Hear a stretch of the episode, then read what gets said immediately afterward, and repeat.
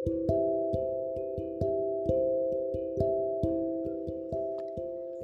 kawan kuda, lama tidak jumpa ya. Apa kabar kalian hari ini? Semoga semuanya dalam keadaan sehat dan tetap semangat. Kuda mau bercerita tentang kasih sayang. Sudah siap dengarkan? Yuk dengarkan ya kawan kuda. Malam itu Henry tampak gelisah. Dia memandang lampion tahun baru yang masih menggantung di depan rumah. Pandangnya menerawang ke satu titik nun jauh di sana. Dia mendesah. Teringat olehnya pekerjaan yang padat merayap. Terkenang olehnya telepon ibunda tercinta tempo hari. Tidakkah kau rindu kampung halaman? Tiga tahun sudah kau tak pulang Dulu kau berdalih mengejar promosi.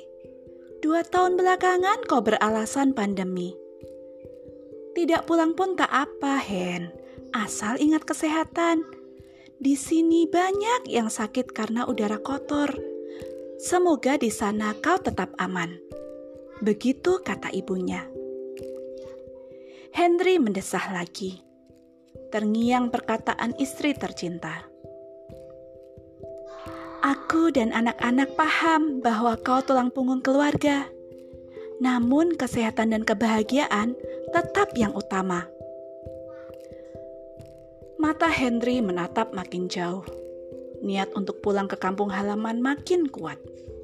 Dia rindu dan ingin membantu. Maka malam itu Henry berbicara dengan istri dan anak-anaknya tentang rencana pulang ke kampung halaman mata istrinya berbinar. Begitu pula anak-anaknya. Keputusanmu tepat, kata sang istri. Tiga hari kemudian, tepat saat malam cap gomeh, saat udara Februari masih syarat dengan aroma coklat selepas hari kasih sayang, Henry berlari ke pelukan ibunya.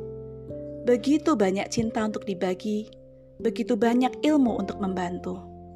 Semuanya menjadi satu. Selamat hari kasih sayang.